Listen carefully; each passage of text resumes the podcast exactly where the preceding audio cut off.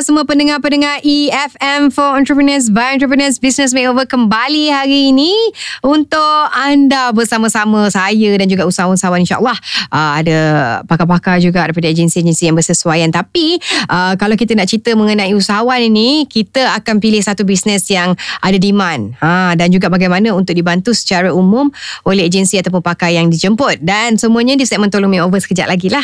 Tapi macam biasa kita akan mulakan uh, BMO ni dengan segmen Let's Motivasi Business. Let's Motivasi Business. Business Makeover di EFM for Entrepreneurs by Entrepreneurs. Alright, untuk segmen Let's Motivasi Business. Hari ini ayat motivasi yang boleh kita bakar semangat kita adalah Perancangan adalah seperti peta, tanpanya perjalanan bisnes kita sesat. Ha, ibarat perjalanan tanpa peta. Bayangkan kalau sekarang ada Waze kan. Ha, kalau dulu kita cerita pasal peta lah kan. Tak ada lah kita tahu arah ke mana agaknya kita nak tuju. Kita akan sesat. Sama seperti perniagaan tanpa perancangan dan juga strategi, anda akan kebingungan apa yang dicapai dahulu, mana dulu nak pergi dulu. Ha, bila tempoh masa bagaimana nak mencapai, semua tak tahu sebab apa? Kita tak ada plan, tak ada strategi. Jadi bisnes anda mungkin akan berakhir dengan kegagalan dan kejayaan pada hari esok adalah bermula uh, daripada hari ini. Tindakan kita, sikap kita dan juga motivasi diri kita hari ini bakal menentukan kejayaan kita pada hari besok. Kita kena gali, cari dan zahirkan segala potensi diri, asah, gilap dan maksimumkan kelebihan dan juga keistimewaan diri kita. Untuk menjadi usahawan yang berjaya, kita perlu ada motivasi diri yang cukup tinggi. Nana, tolong makeover. Business Makeover di EFM for Entrepreneurs by Entrepreneurs. Okey, untuk tolong makeover segmen kita hari ini, ha, BMO telah pun memilih bisnes berkaitan seni iaitu pelukis yang menghasilkan lukisan seperti portrait, uh, macam abstrak ke pemandangan dan sebagainya. Dan pelukis ini kebanyakannya melukis secara sepenuh masa dan mengharapkan pendapatan dari hasil seni mereka. Dan harga sesebuah seni hasil lukisan tu uh, memang sangat mahal kadang-kadang. Dan uh, uh, sebab apa eh, dia kata dibuat secara halus. Ha, seni ni halus, tangan orang berbeza-beza dan juga memakan masa berhari-hari ataupun berbulan-bulan. Uh, mereka mungkin menjual produk semata-mata tetapi mereka menjual kreativiti. Uh, bukan menjual produk je. Kreativiti ni sebenarnya bakat dan juga imajinasi yang suka dibayangi oleh orang lain dan semakin halus ataupun semakin cantik lukisan mereka, makin mahal lah harga sesuatu lukisan itu. Malah bahan yang untuk uh, digunakan untuk melukis juga mempengaruhi kos jual penjualan sebuah lukisan. Okey, bercerita mengenai uh, bisnes ataupun usahawan yang terlibat dari segi cabang seni melukis ini. Dan bukan mudah sebenarnya untuk mencari pelanggan yang menggemari seni seperti lukisan abstrak, portrait dan sebagainya. Malah harga lukisan tangan ini sangat mahal dan ramai yang tidak berminat untuk membelinya kerana menganggap harga yang diletakkan tu amat tinggi. Ha, hanya orang yang benar-benar meminati dan juga menghargai bakat seni saja yang sedia membayar lukisan pada harga yang tinggi. Tetapi bagaimana sebenarnya pelukis-pelukis ni ingin menyasarkan pelanggan yang betul? Ha, sebab kalau kita sasarkan pelanggan yang betul, insya-Allah kita akan mendapat orang kata customer lah. Uh, sebab tak semua orang nak beli lukisan. Jadi macam mana kita nak uh, pastikan perniagaan kita ataupun lukisan kita kena dengan cita rasa orang yang nak membelinya. Dan persoalan seterusnya kalau kita berbincang perkara ini adakah pelukis-pelukis ini perlu menurunkan harga seni mereka semata-mata ingin mendapatkan ramai pelanggan? Uh, sebab ada di kalangan peminat seni yang meminati tapi tidak mampu nak beli. Ada juga sebenarnya pelanggan yang merasakan nilai uh, lukisan ini tidak setara dengan hasil kualiti yang dikeluarkan. Yes, uh, kita berbalik-balik kepada uh, sama ada cantik ataupun tidak. Nilai seni itu sendiri adalah sangat subjektif kan. Mungkin penerimaan orang lain atau orang yang nak membeli itu lain dengan orang yang melukisnya. Uh, macam mana sebenarnya cara marketing yang betul ni? Cara marketing yang sesuai untuk usahawan seni seperti pelukis ini perlu lakukan agar mereka dapat terus bertahan dalam masa yang sama hasil seni mereka mudah diterima walaupun harganya mahal. Uh, dan kejap lagi sebenarnya kita akan menemui pakar marketing untuk mendengar bagaimana untuk menambah baik teknik marketing pelukis yang juga boleh dikategorikan sebagai usahawan. Dan kejap lagi je eh, dalam segmen Cuba Try Test Share. Cuba. Try, test, share. Business Makeover di EFM for Entrepreneurs by Entrepreneurs di segmen Cuba Try Test Share. Ha, bukan apa kita boleh cuba, kita boleh try, kita boleh test, kita boleh share ilmu yang akan dikongsikan bersama dengan tetamu saya ni Tuan Haji Fazli Yusof pakar marketing dan juga Principal Advisor Malaysia Entrepreneur Development Association Fashion ataupun Midas dan uh, hari ni Segak berbaju petak. Alhamdulillah. Uh, kotak-kotak. Baju hmm. petak dah. dan uh, hari ni kita memang tak ada usahawan untuk dibantu tapi kita ada bisnes yang jarang-jarang dibincangkan oh. iaitu pelukis. Wow. Pelukis yang juga sebenarnya dia ni entrepreneur juga hmm. yang dikategorikan sebagai usahawan kerana mereka ni mengeluarkan produk melalui seni dan bakat mereka. untuk okay untuk your personal opinion lah kan Tuan Haji hasil seni seperti lukisan macam abstract ke portrait, pemandangan dan sebagainya ni memang kita ada penggemar dia sendiri, ada pelanggan dia sendiri. Tapi macam mana sebenarnya pelukis-pelukis ni nak menyasarkan uh, pelanggan dia, niche dia uh, dalam strategi pemasaran? Ya, uh, terima kasih. Ini subjek yang menarik. Hmm, sebab sebab seni dan bisnes ni dia biasanya tidak dicantumkan bersama lah. Kan? Uh, orang seni dengan dunia alam kasihkan seni ya. Ah. Orang bisnes dengan biasanya ketabakan duit je. Itu dia tampilkan lah. Eh. Right. Uh, so uh, macam cerita si bongkok dan apa semerah padi lah. Eh, Eh? Eh bukan eh Si bongkok dengan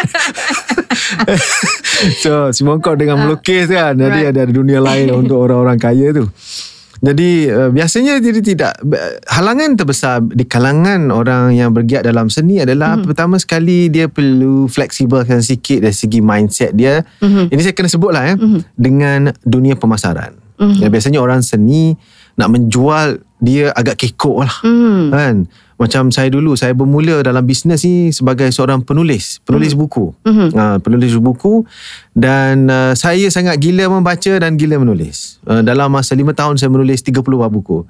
Wow. Uh, dan bestseller memang uh, 100,000 uh, sold. Hmm. So bila kita menulis kita dalam dalam alam kasihkan menulis. Ya, Dunia kita dalam zone. dalam zone Ah. kita dalam kokon kita. So menjual adalah benda yang asing dan macam bila kita menjual kita rasa macam level yang lain dalam darjat kita kan. Wow. So jadi jadi kita kena dan dia dia menyebabkan kita dalam dilema lah kita kena buat pilihan sama ada totally karya dan dibuat oleh dijual oleh orang lain mm-hmm. ataupun kita nak take part dalam proses menjual juga. Mm-hmm.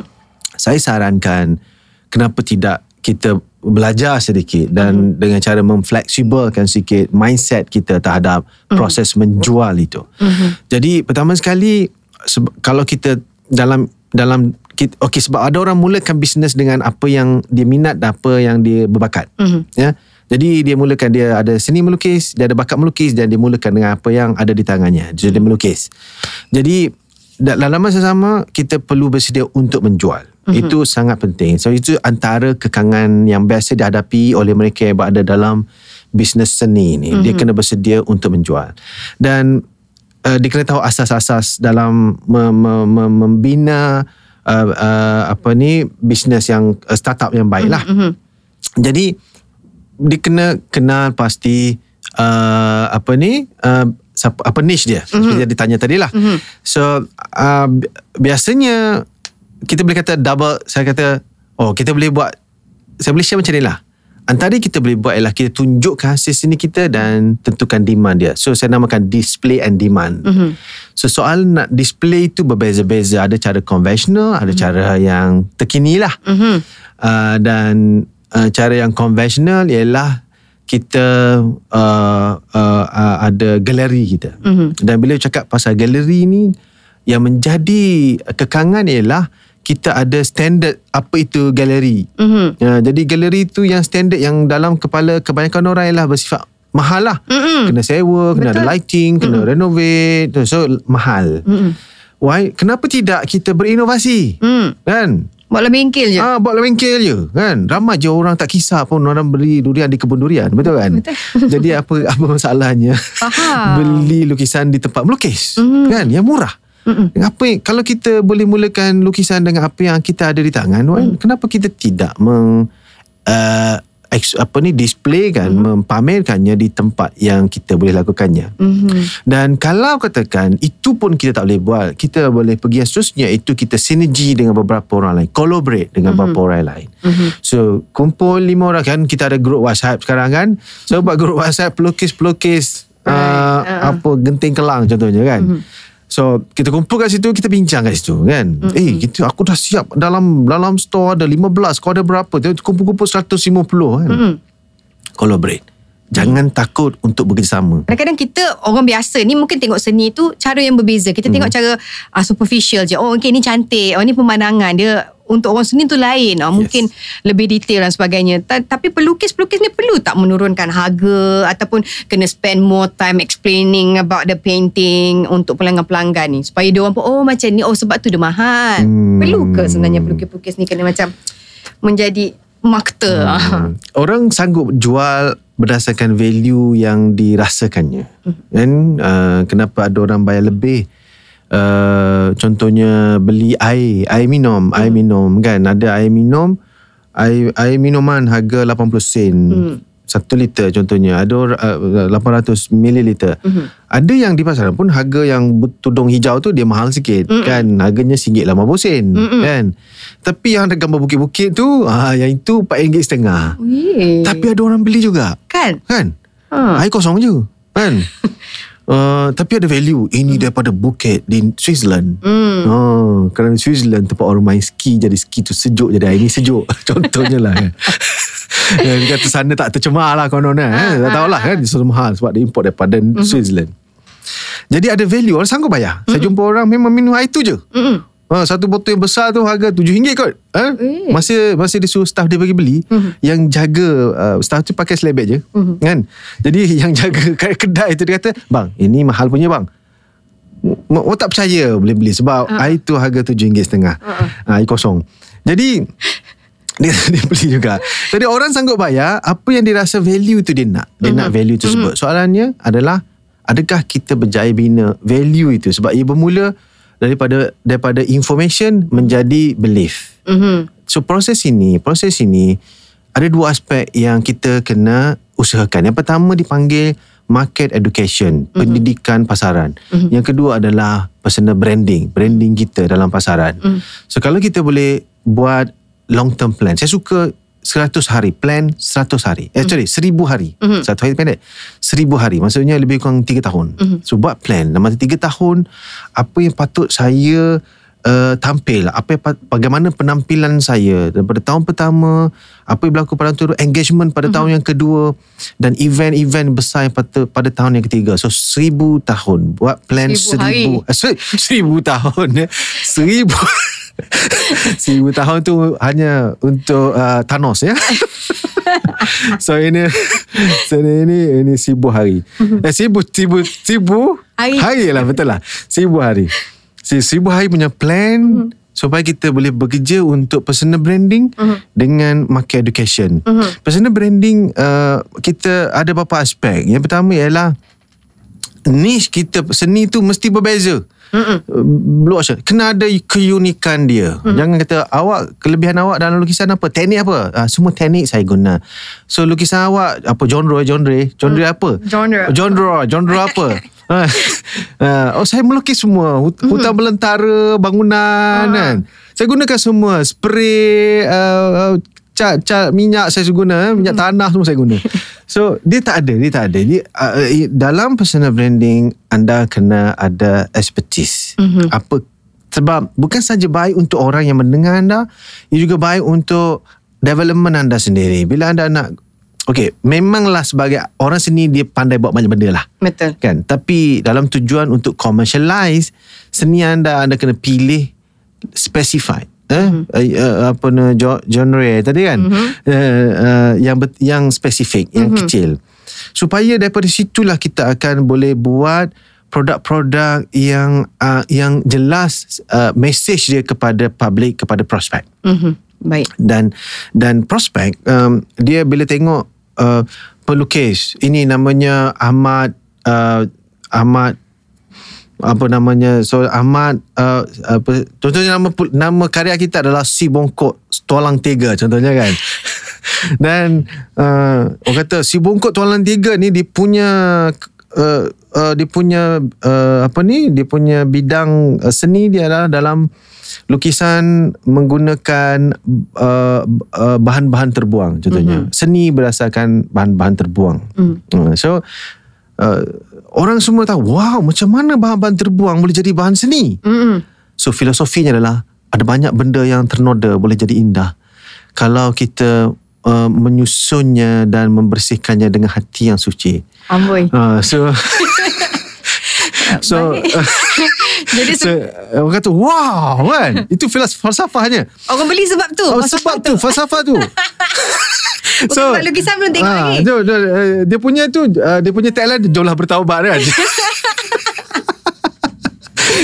so, orang orang rasa so rasa wow. Wow, exactly. So dia kata hari ni kempen tahun ni lah sampah di bandaraya. So kutip sampah kat bandaraya. Hmm. So saya pergi ke Manila, saya kutip sampah kat Manila. Hmm. So saya akan balik saya akan buat hasil karya saya. So you, you boleh travel seluruh dunia dan update semua. Ni saya kat London, saya jumpa tiga sampah.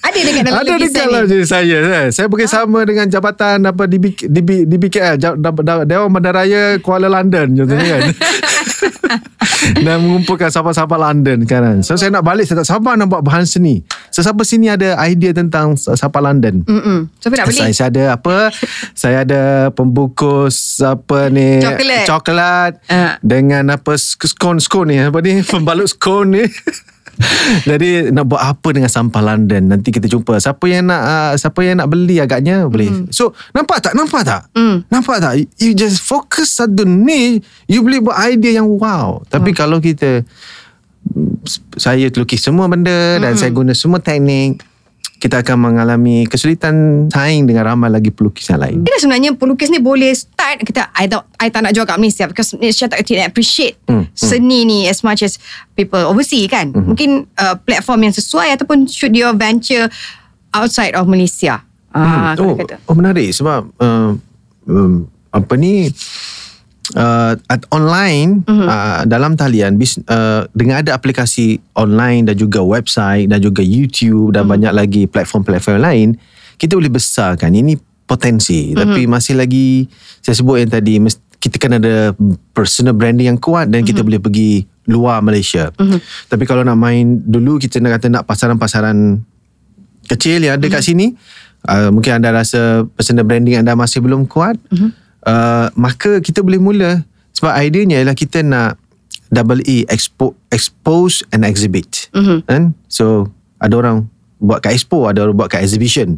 Tapi kita boleh buat as, exposure exposure dan juga exhibition di di secara alamiah kita boleh juga lakukannya. Ada banyak kita boleh gunakan banyak aspek. Tapi Uh, I- of course saya rasa asas bila kita nak buat secara dalam talian kita perlu ada website. Mm-hmm. uh, website yang di uh, kena dengan konsep yang kita nak tersebut Mhm.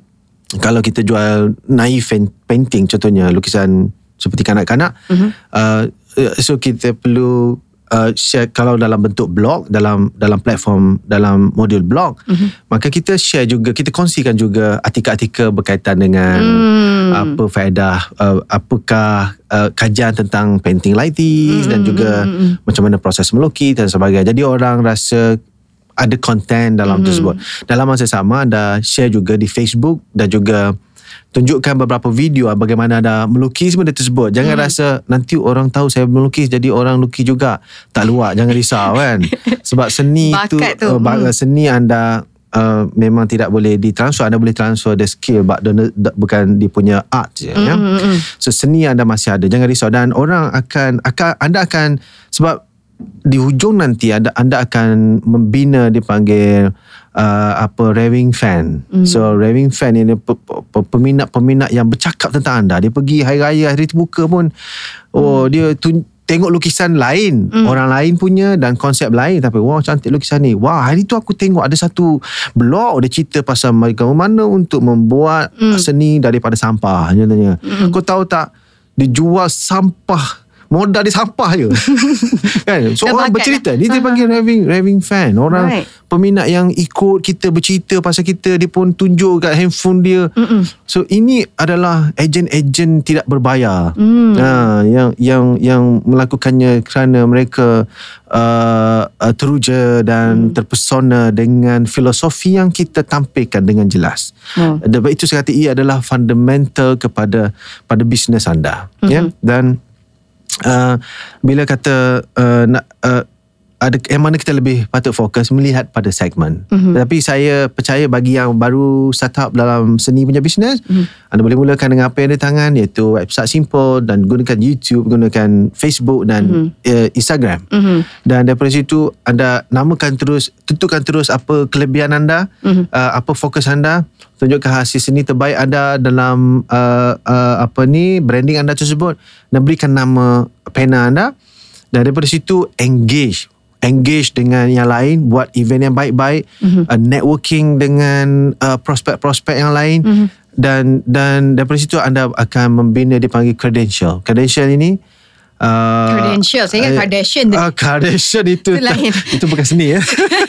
Itu senak So Credential. so, Credential Maksudnya orang tengok Kita punya uh, Apa kejayaan kita lah Right. Apa yang kita Sudah lakukan sebelum ini Okay, kita akan sambung juga selepas ini nak tahu macam mana sebenarnya kita nak educate. Kita sebagai pelukis mungkin kita boleh educate uh, orang ramai mengenai seni apa yang kita Hmm. buat kan. Uh, dan cara kita nak educate ataupun kita nak kongsikan uh, kita punya seni ni apa agaknya cara yang yang paling baik adakah kita kena buat live session on Hmm. Facebook talking about our painting dan sebagainya ataupun kita ada panggil get together dengan peminat-peminat painting dan sebagainya Saya rasa itu mindset yang perlu kita Mula uh, Embrace uh, Mula kita mm, Fikirkan semula mm-hmm.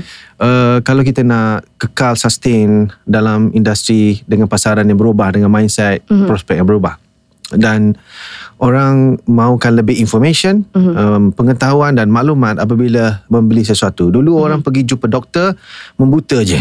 Kan pasrah. Sakit apa doktor silakan saja. Uh, sekarang orang pergi dengan research terlebih mm-hmm. dahulu orang sudah Dengan tahu knowledge lah. Ah, dengan knowledge orang dah boleh sebut nama penyakitnya mm-hmm. kepada doktor dan men- mencadangkan ubat tersebut. Mm-hmm. Cuma dia nak sahkan ya mm-hmm. dengan doktor tersebut. Itu itu sekarang orang. Mm-hmm. Sama juga dan lebih-lebih lagi apabila orang duk mengeluh kata orang tak faham hasil seni mereka mm-hmm. jadi mereka perlu memberikan lebih maklumat kepada mereka mm. pada pada prospek dan pasaran tersebut. Dan itu yang kita sebut sebagai market education. Dan bila kita sebut market education dia memerlukan satu benda. Dia dipanggil sebagai kesabaran. Dengan kesabaran dan pada peringkat ini penolakan adalah normal. Mm. Uh, sebab itu kita perlu dipanggil strategi uh, dipanggil apa uh, bootstrap strategi mm. iaitu anda ikat jangan spend terlalu banyak anda mm. perlu ada maintenance uh, punya financial yang baik untuk mm. satu tahun for example mm. dan dan jangan spend lah maksudnya jangan gunakan banyak duit so anda bersedia untuk tidak banyak dapat cash contohnya sebab ini ini proses market education mm. Uh, Uh, dan uh, ideanya adalah orang membayar kerana perceived value. So develop perceived value tersebut. Yang bagus ni dalam seni value tersebut sky is limit. Mm-mm. Limit ya. Kalau Mm-mm. saya jual susu, saya tak boleh kata susu ini dijual di, dibuat daripada ibu lembu yang penuh kasih sayang, merupakan anak ketiga daripada 13 lembu yang lain. So saya tak boleh nak tingkatkan value dengan Betul. dengan lembu tersebut. Mm-mm. Saya tak boleh tingkatkan. Itu perceived value yang salah lah. Mm-mm. Ataupun saya tipu saya kata dia diberikan banyak apa ion-ion positif dan negatif bercampur menyebabkan anda lebih. Boleh? Dan- Macam ada je macam uh, ada ethical, ada unethical. Ya? Ha, ya? Yes correct Ha, so uh, okay. So tapi bila cakap pasal seni, mm-hmm. dia limitless. Mm-hmm. Itu bagusnya. Mm-hmm. Sebab falsafahnya dalam jiwa anda mm-hmm. yang melukis yang men, jiwa ditampilkan dalam bentuk yang daripada abstrak kepada satu benda yang intangible kepada benda yang tangible. Mm-hmm. So siapa mentafsirkan anda lah yang tafsirkan mm-hmm. dan value keluar daripada situ orang bayar mm-hmm. kerana value tersebut mm-hmm. okay now um, dan macam mana anda nak kurangkan kekecewaan kerana mm. saya sebut rejection tadi kan mm-hmm. validate prospek anda Mm-hmm. Uh, daripada proses ini validate ni banyak-banyak lah uh, daripada daripada kita buat live ke kita buat share ke kita buat apa mm. tanya database tersebut so mm. sebagai uh, seniman kita perlu juga tahu untuk menguruskan database so mm. kumpulkan database ada validate dah orang yang minat anda orang yang, yang engage dengan anda mm. ajak selalu jumpa dan berikan sesuatu information anda dah ada email mereka ada nombor telefon mereka jumpa mereka dan daripada situ proses uh, apa ni market education tu menjadi lebih mudah mm. rejection tu lebih susah untuk berlaku insyaAllah. Mm-hmm. Sebab kalau bila datang depan muka orang nak cakap no pun kadang-kadang orang Melayu tak, Ah, uh, tak baiklah lah. baiklah belilah Ah, belilah. beli terpaksa kan. Lepas tu tak gantung. Alamak. Alamak. Okay. Uh, very interesting topic actually for us to talk today. Tapi dan uh, untuk anda mungkin nak lebih lagi. Mungkin ada pelukis-pelukis yang mendengar ni. Mungkin nak jumpa one-one-one dengan Tuan Haji. Mungkin nak dapatkan lebih idea. Ya, saya mengendalikan uh, uh, pusat uh, apa ni NLP Malaysia Center, Neuro Linguistic Programming Malaysia dan uh, kita telah membantu ribuan lah uh, peserta-peserta alumni ramai di kalangan mereka usahawan, tokoh korporat, pegawai tinggi pun ada juga yang mempelajari macam mana aplikasi NLP dalam komunikasi, leadership, business, uh, uh, marketing, sales dan sebagainya. penting. Ya, ya.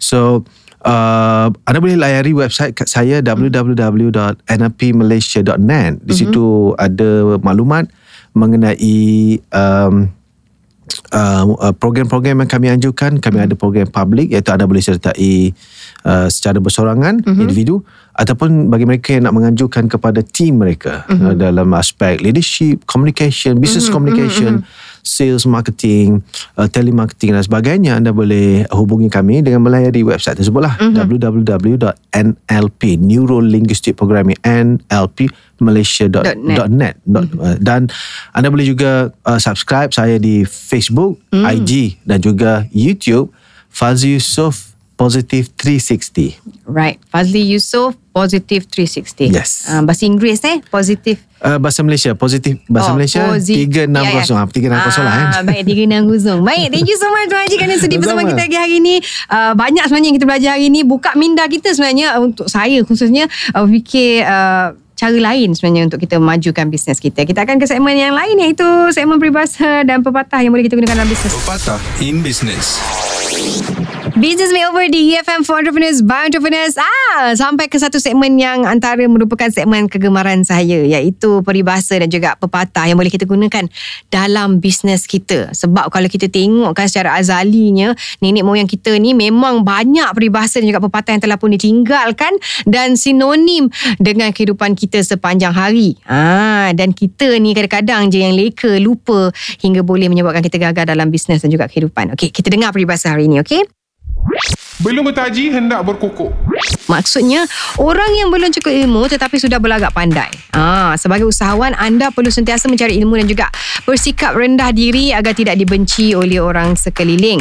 Jika ilmu masih sedikit, jangan berlagak seperti sudah tahu semua perkara. Ah, kalau tak ada ibu, tak kalau tak ada ilmu, carilah ilmu itu untuk kebaikan bisnes anda. Okey.